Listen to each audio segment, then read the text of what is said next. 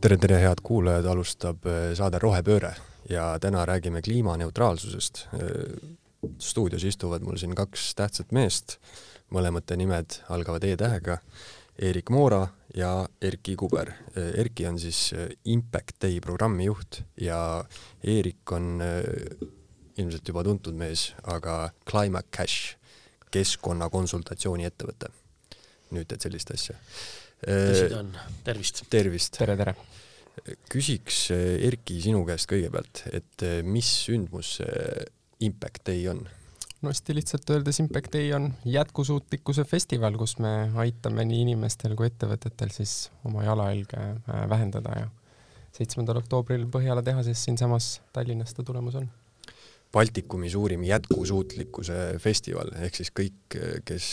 selle teemaga tegelevad, jõuavad sinna kohale absoluutselt, Baltikumi turg oli hea lihtne võtta ka, et keegi Baltikumis lihtsalt veel ei korralda, nii et saime esimesed ja suurimad kohe olla mm. -hmm. no tänases saates keskendukski sellele, et, et mis asi see kliimaneutraalsus on ja miks see meid huvitada võiks. Eerik, kui ma küsin sinu käest nagu ignorantne tavainimene, mis on kliimaneutraalsus, mida see sinu jaoks tähendab? noh võtta sookama jah, nüüd siis äh, järgnevad kõik need äh, raportid, pöördum- äh,, raportid, analüüsid, tohutud teadustööde mahud ja asjade nende ettevuristamine kiiresti. aga ma ütlen hästi lihtsalt nii hästi, nii lihtsalt, kui ma praegu parasjagu oskan, kliimaneutraalsus on eesmärk äh, elada siin planeedil, majandada, elada head elu äh,, tegutseda äh, niimoodi, et me nagu ei kahjusta seda planeeti sellisel moel, et ta ei suuda ähm, enam no ühesõnaga, et, et äh, looduslikud süsteemid ei suuda enam äh, nii seda meie majandustegevust kui meie elutegevust kui kõikide teiste liikide elutegevust ja nii edasi äh, üleval pidada. ehk siis sisuliselt on see siis ähm, sellise nagu lo looduslike piiride sees mõistliku majandamise äh, taotlus. Ja kui sa nüüd nagu konkreetselt, konkreetsemalt küsid, et mis see, miks seal on see sõna neutraalsus, siis, äh, siis seal tähendab see seda, et ähm, kliima kontekstis on ähm, inimeste mõju keskkonnale ju tohutu suur, aga kliima kontekstis on võtmetähtsusega see, et inimkond on viimase mõnesaja aasta jooksul, konkreetsemalt äh,, täpsemalt isegi viimase mõnekümne aasta jooksul äh, paisanud õhku sellises mahus äh, siis ähm, fossiilsete kütuste põletamisel tulnud äh, niinimetatud kasvuhoonegaase, et äh, see on löönud tõsiselt maailma kliima paigast ära ja see on üha nagu süvenev probleem ja iseennast nagu taastootev protsess. Ja neutraalsus tähendaks nüüd seda, et, et me lihtsalt lõpetame selle nagu oma elukeskkonna ohtu seadmise ära, ehk siis me ei lisa juurde äh, enam ähm, uusi kasvuhoonegaase, vaid pigem tegeleme sellega, kuidas oma sellist äh, mõju äh, elusloodusele äh, ja ka eluta loodusele koomale tõmmata. Ma vaatasin sinu uue ettevõtte kodulehte korraks ja seal oli kirjas, et et võta ühendust, kui soovid kliimakriisis kliimakriisi siis eh, vastu võidelda põhimõtteliselt, et eh, sellest ma küsikski, et et mis olukorras me nagu praegu oleme, et kas olukord on, ma ei tea, halb, väga halb, seda on ilmselt nagu keeruline on ju hinnata täpselt, aga, aga kas siis praegu on, oleme täielikus kriisis? no igal juhul on tegemist kliimakriisiga, seda on isegi ka väga paljud riigid meie ümbruskonnas ja sealhulgas ka Euroopa Parlament ja nii edasi täiesti nagu ka ametlikult kuulutanud ja tunnistanud ja see on äh, selge kõigile, kes äh, selle valdkonna äh, teaduslikke saavutusi on mingite aegade jooksul jälginud, et selles mõttes pole, pole kahtlust, et ja ka kõigile neile, kes vaatavad, mis toimub Pakistanis, millised põu-, milline põud on Euroopa südames sellel aastal ja nii edasi, et selles mõttes kriisis ei ole, ei ole, kriisi olemasolus ei ole kahtlust aga äh, küsimus on see, et, et, et mil viisil või kuidas me sellest siis räägime või kuidas me sellesse suhtume või mis me siis teeme, et me võime tõsta käed üles, aga teine variant on ka see, et olla palju nagu optimistlikum äh,, näha ka neid positiivseid või optimistlikke märke, mida tegelikult on, on ju ähm, ka väga palju. Ja, ja, ja, ja lahendada see probleem ära, et kui me oleme suutnud planeedi tasakaalust välja lüüa siis äh, pagan võtku väga tahtes, me peaksime suutma ka ikkagi äh, hakata tegelema mõistlike asjadega. ja see kõlab mulle sellisena, et äh, laev on nagu ütleme, hukatuse poole teel, aga siis me nagu üritame nüüd seda onju ümber keerata ikkagi.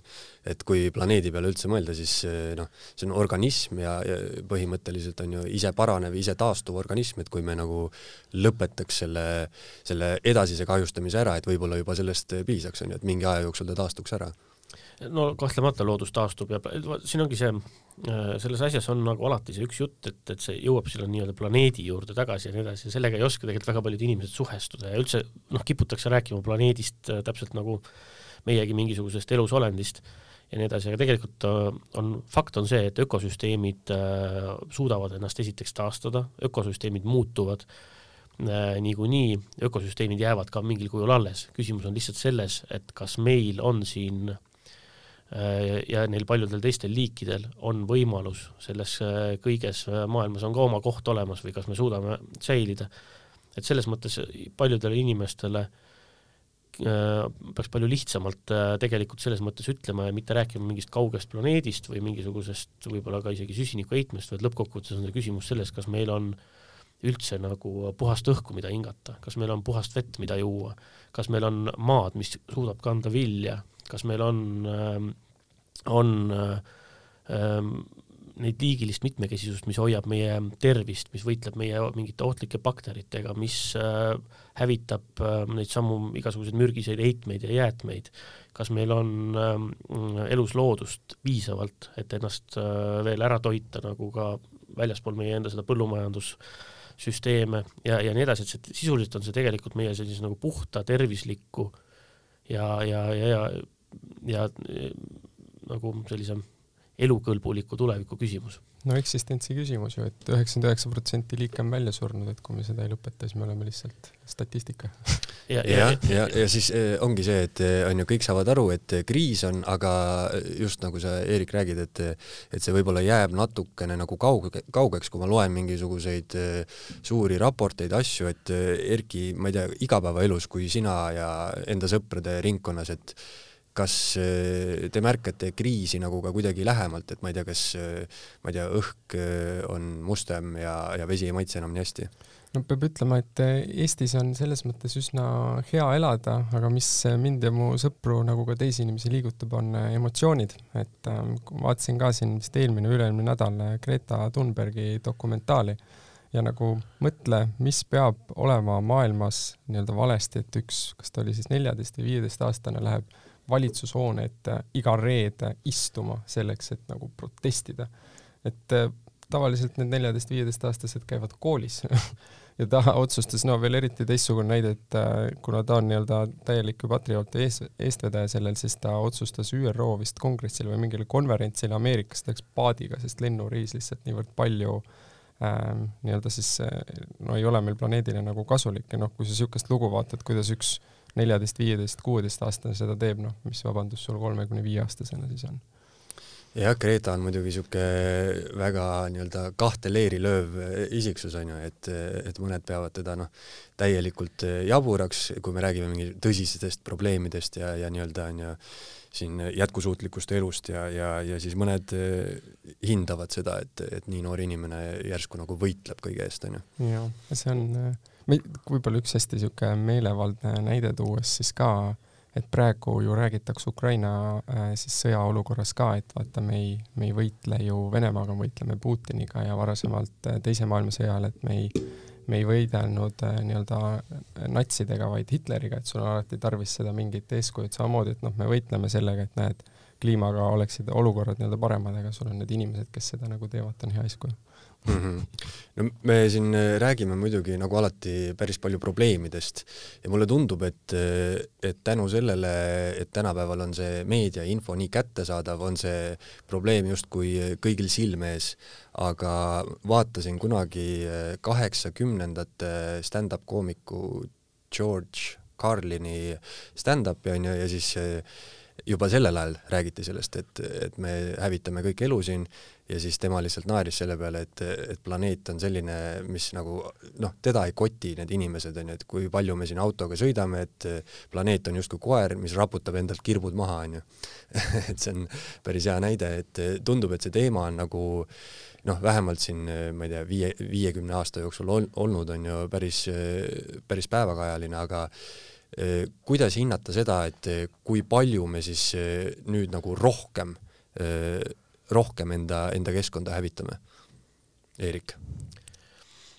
noh, esiteks on ju viimaste aastakümnete jooksul inimkonna kasv olnud väga suur ähm,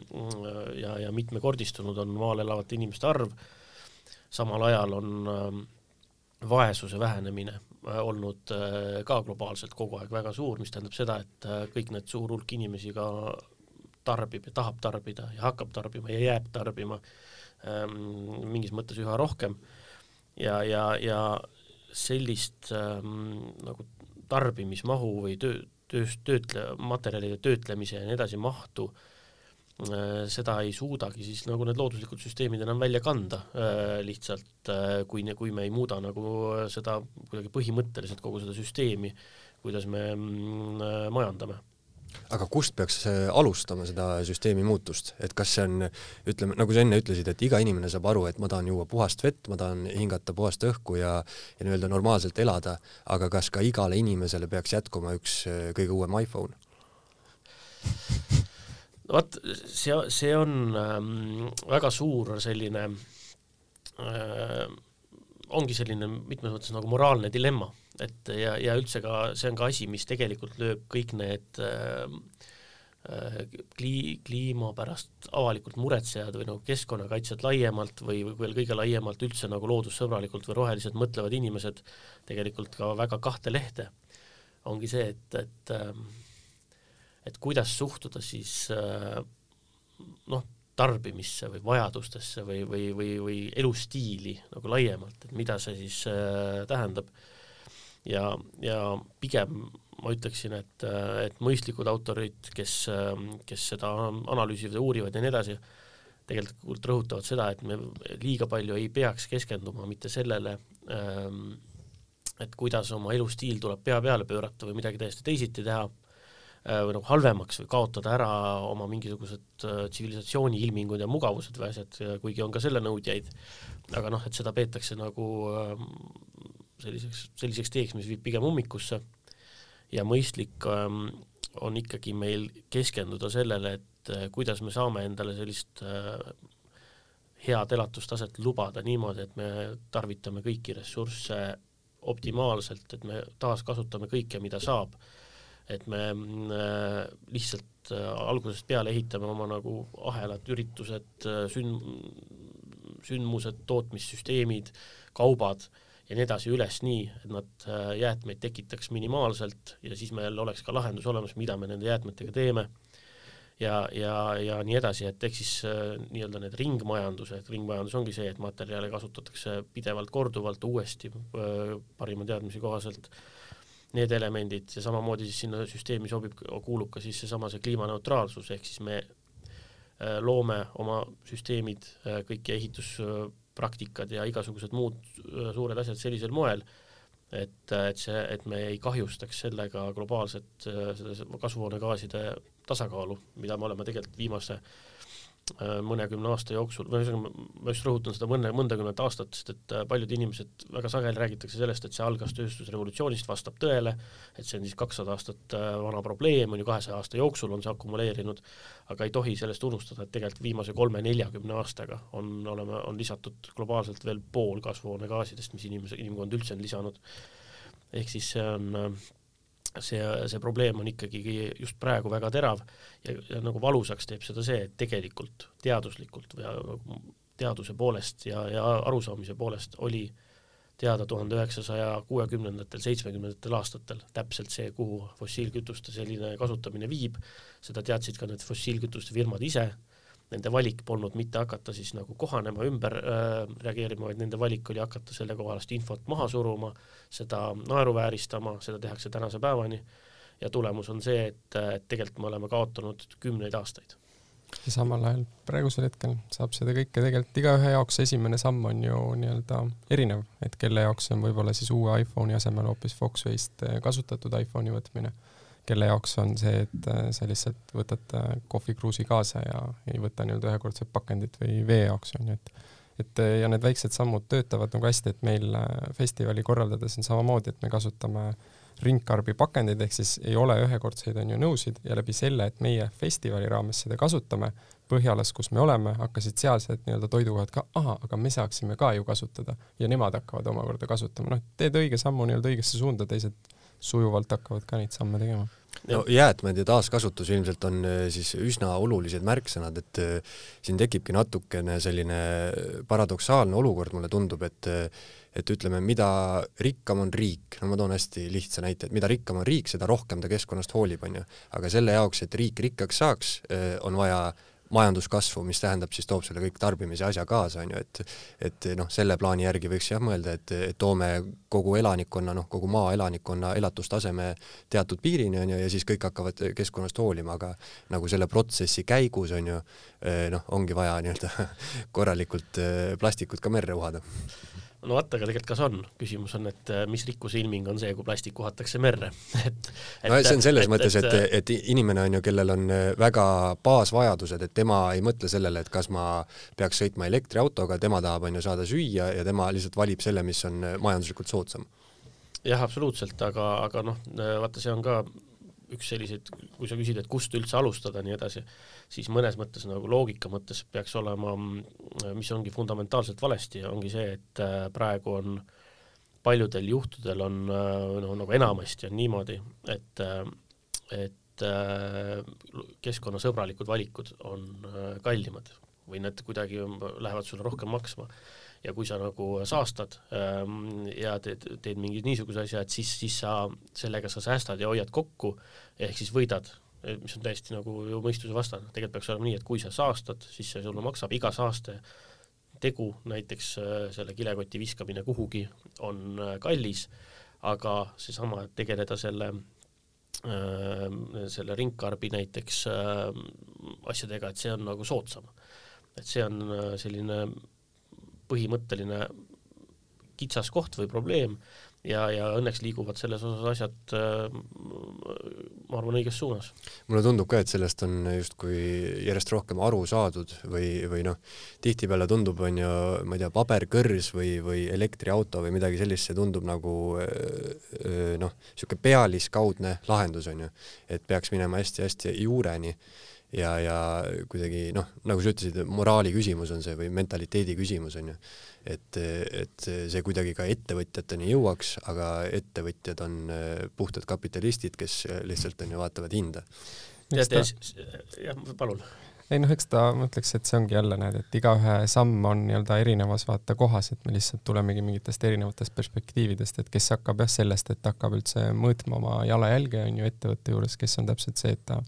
vahetab nii-öelda välja mingisugused pakendid, mis ta kasutab või noh, sorry, et ta näiteks toitu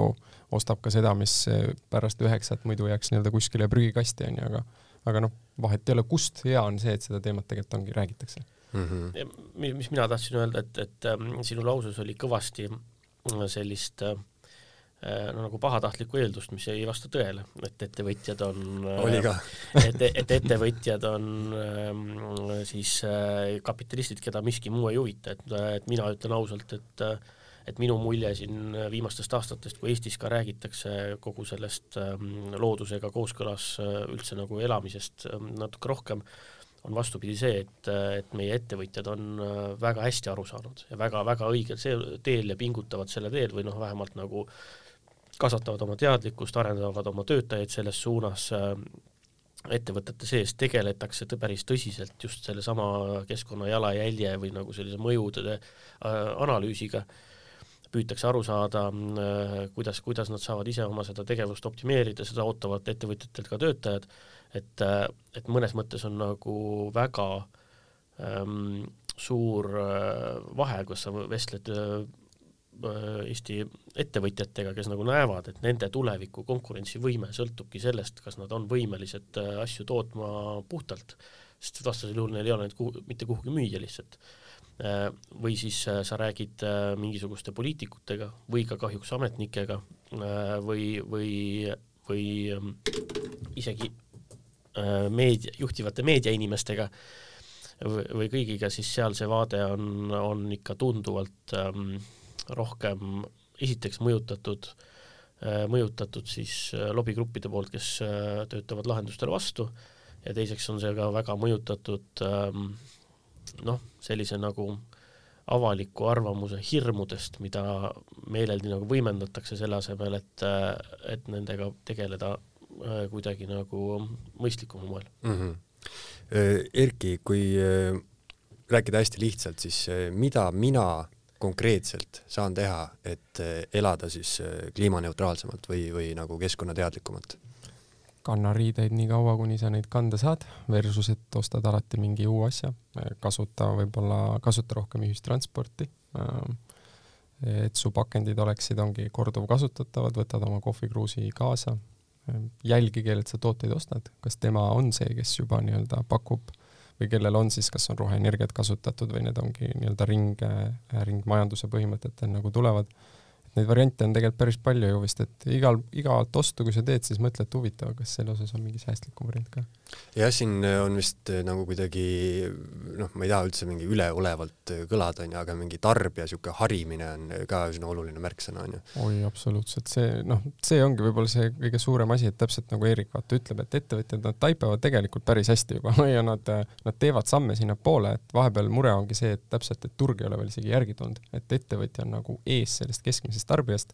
kes võib-olla ongi kuskil, ma ei tea, äärelinnas elab või maakohas ja tal lihtsalt niisugune teadmine ei ole temani nii palju veel jõudnud ja noh, eks seda, seda proovime meie ka tegelikult teha, et igaüks siin Eestis teaks, kuidas käia targalt ümber sellega, mis meil on mm. -hmm.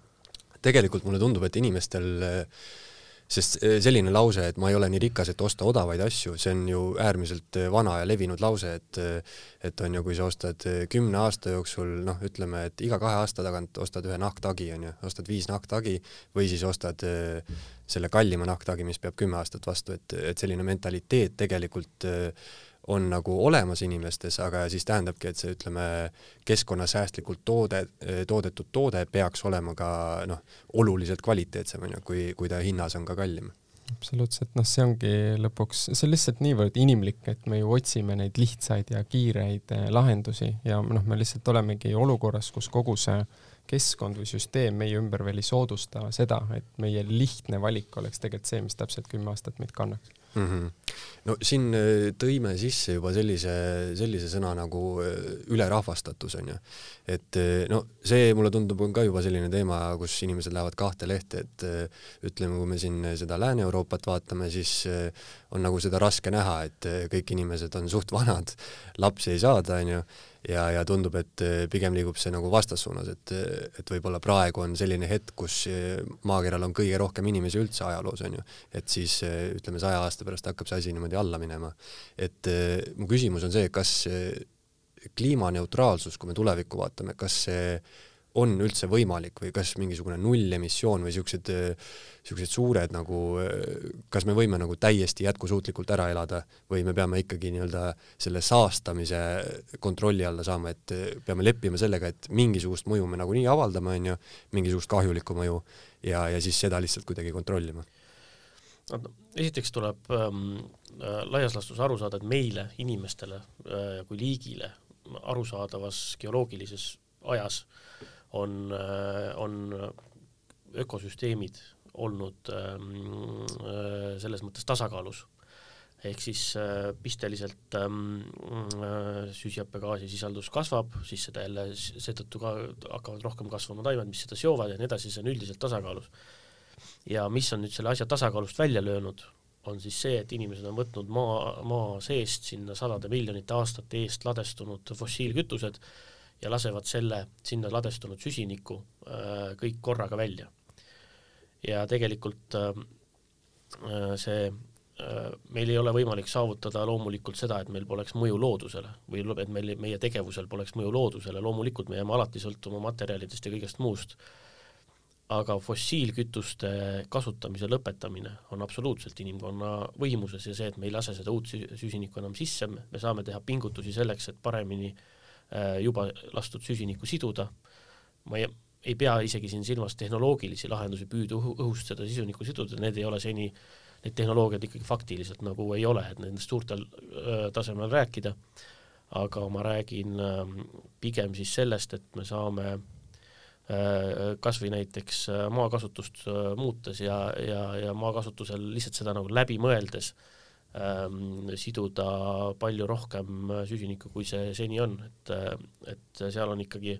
ennekõike just nendel vanadel tööstusmaadel on väga suured äh, varud selles osas, et sest et nad on lihtsalt ennast teinud täitsa lagedaks ja see tavaline niisugune täisharitud põllu, sada protsenti ära haritud põllumajandusmaa, tööstuslikult ja niimoodi suurelt haritud, et selle selline ökoloogiline väärtus on väga madal mm. -hmm. jah, selmet, et nii-öelda maksimeerida iga aasta seda vilja, mis sa saad, pigem mõelda perspektiivis, et kuidas kümne aasta peale või kahekümne aasta peale see tsükkel nagu välja mängiks mm. -hmm. et nii-öelda maad noh, lihtsalt öeldes ära ei hooraks, onju. just -hmm. jah, lihtsalt ja. öeldes aga jah, see ongi see, noh, ma mõtlesingi, et sa rihid on ju sinna tehnoloogiate poole, et, et noh, ütleme utoopilises romaanis ma võin ette kujutada, kuidas ma sõidan mingisugusel tuulejõul autoga ja, ja mu telefon laeb ennast lihtsalt niimoodi, et ma korra panen ta käega päikese kätte, onju. aga, aga mulle tundub, et ütleme, Araabia naftatriljonär seda niimoodi ei näe ja nagu praeguses seisus on ju noh, raha tähendab natuke ka mõjuvõimu, et siis ongi nagu mingis mõttes ikkagi me töötame nagu üksteisele vastu, on ju. ei, absoluutselt äh,, loomulikult. ja, ja mis veel siin praeguse meie selle energiakriisi ja, ja, ja energiasõja, mida põhimõtteliselt Kreml on äh, lääneriikide vastu pidanud äh,, et neid endale, enda tahtele allutada või painduma panna äh,, Äh, mis selle taust ongi, äh, on ju see, et, ähm, et äh, me oleme nende fossiilkütustest nagu absoluutselt sõltuvad ja neid fossiilkütuseid toodavad reeglina üliväikeste eranditega, ähm, USA ja Kanada ja Norra ja mõned on erandid, aga üli, ülivõimsalt maailmas toodavad neid valdavalt siis autokraatsed äh, riigid, kes on teinud sellest endale just sellise poliitilise mõjuvõimu äh, kanali. Ja kui me tahame sellest kõigest vabaks saada, noh siis, äh, siis me peame lihtsalt äh, asendama, me peame nendest üle,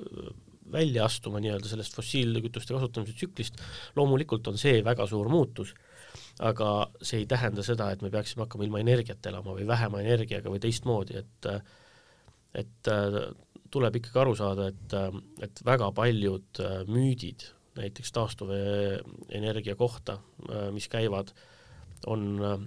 sihilikult tekitatud just äh, sellesama nagu fossiililobi selliselt suunalt olukorras, kus tegelikult fossiilkütused, noh, sealhulgas näiteks see, et taastuvenergia on kallis või kuidagi teeb meid vaeseks, või et, või et sellega ei ole võimalik ähm, saavutada mingisuguseid mahte, mida on vaja ja nii edasi. loomulikult seal on probleeme palju, aga, või see, et ta näiteks e, vajab materjale äh, tohutult ähm, selleks, et, et teda ehitada, mis on ka väga haruldased ja, ja, ja mida, mida tuleb puudu. aga selle taustal või see foon on ikkagi see, et taastuvenergiat kasutavad äh, kütust, mis on äh, meil nagu aegade lõpuni tasuta käes ja, ja, ja fossiilkütus äh, igal juhul vajab seda äh, et, et vähe sellest, et ma kaevandan teda, sest fossiilkütuste kaevandamine ei ole kuidagi parem ega puhtam kui äh, nende taastuvenergia jaoks vajalike materjalide kaevatamine, kaevandamine, siis ma teda vean, transpordin, mis kõik äh, saastab, siis, äh, siis ma pean aegade lõpuni seda fossiilkütust ju äh, ostma jääma. et see ongi see, millel see tohutu ärihuvi põhineb, samal ajal kui, äh, kui päikeseenergia tootmiseks või tuuleenergia tootmiseks me enam ei jää midagi ostma, sellepärast et see on nagu aegade lõpuni äh, tasuta käes. ja, ja, ja selliste nagu noh, mõeldagi nagu äh, näiteks taastuvenergia probleemidest rääkides just sellele, et mis on äh, selle alternatiivide probleemid, et need on ikkagi, reeglina on nii-öelda tohutult palju suuremad ja nende keskkonnamõju tohutult palju hullem mm. -hmm. jah, siin mulle tundubki see, et, et võib-olla noh, kui tulevikku vaadata, siis on ju tehnoloogia areng saab siin nagu määravaks, et noh, kui ma niimoodi pessimistlikult mõtlen, siis niisugune äh, kapitalist jääb kapitalistiks, välja arvatud siis need moraalsed ettevõtted, kellest Eerik rääkis, on ju, aga et kui tõesti on ju see triljonär näeb, et taastuvenergia lahendus on nagu talle majanduslikult kasulikum, siis ta lülitub sellele niimoodi ümber. No vot ongi, kes sõlt-, sõltub milline, aga aga ühel triljonäri vastas on ikkagi äh, meil miljardid inimesed, kes saavad teha mõistlikke valikuid ja siis sellest äh, ühest pahatahtlikust triljon, triljonärist ühel päeval sõltub väga palju vähem, et näiteks mm -hmm. oma selle praeguse sõjaga saavutab äh,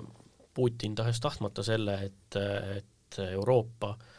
ähm, juba mõne aasta pärast ähm, on tunduvalt vähem fossiilkütuste lõa otsas ja, ja, ja see näitab, et esiteks muutus on võimalik ja et ka väga kiire muutus on võimalik mm. -hmm. sest et, no sest et tegelikult ikkagi äh, tuleb ka rõhutada, et et need tehnoloogiad äh, muutusteks on äh, laias laastus olemas, et ei ole niisugust tunnet, et me peame ootama, meil peab midagi tekkima, midagi tulema, nii edasi, et, et, et tegelikult tänapäeval tuleb lihtsalt ähm, ehitada ja rakendada. jah, selline hindade allatoomisest on minu arust üks parimaid näiteid see, kuidas on ju Elon Musk tõi, ma ei tea, mitmekordselt selle kosmoseraketi hinna alla, kuni ta lihtsalt väga lihtne mõte, et ma taaskasutan neid rakette, onju et, et see on hea näide. aga siinkohal võtakski need rohelised mõtted kokku. Erki, ole hea, ütle veel, kuhu ma peaks tulema, kui mind see teema huvitab ja, ja millal? seitsmes oktoober Põhjala tehas, kui tahad kuulata Martin Villigut, Madis Toomsalut, Kai Realot ja veel kõiki tähtsaid Eestis, kes need asjalikud juba on, nagu Erik ütles, siis Põhjala mm -hmm. tehas, seitsmes oktoober. ja seal siis toimuvad sellised nii-öelda arutelud arutelud, töötoad äh, näitavad ennast juba päris jätkusuutlikud ettevõtted, nii et kõike kõigile mm. -hmm. impactday.ee impactday.ee aga Eerik, Erki, aitäh, et tulite ja rääkisite! tänud kutsumast! head päeva!